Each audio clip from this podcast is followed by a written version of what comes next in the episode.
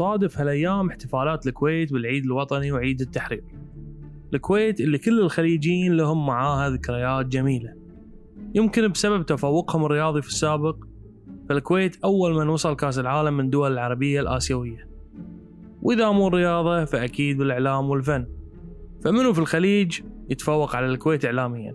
تاريخ الفن الخليجي ابتدى من الكويت.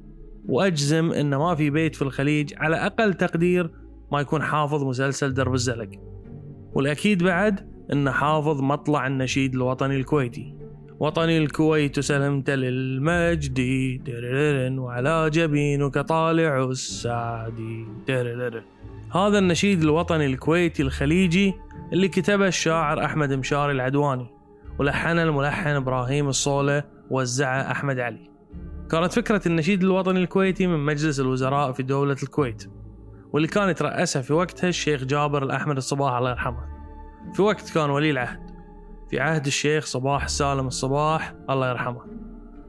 في وقتها كان النشيد الوطني السابق يعزف من سنة 1961 وطلع القرار أنه يكون النشيد الوطني كويتي خالص. ولهذا تم تشكيل لجنة من مجلس الوزراء برئاسة الشيخ جابر الأحمد أعلنت عن مسابقة مفتوحة لتقديم كلمات وألحان النشيد الوطني. وانتهت أعمال اللجنة في سنة 1977 على اختيار هذا النشيد الحالي.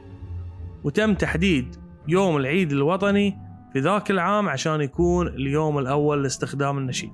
صحيح أنه تم اختيار النشيد الوطني في عهد الشيخ صباح السالم الصباح إلا أنه ما استخدم بسبب وفاته بتاريخ 31 ديسمبر 1977 لكن مثل ما كان مقرر بدأ استخدام النشيد في يوم الاحتفال بالعيد الوطني للكويت وكان وقتها تم الانتهاء من فترة الحداد. ليعزف لأول مرة في يوم 25 فبراير 1978 وبهالمناسبة مبارك للكويت وأهلها بأعيادهم وحفظ الله الكويت.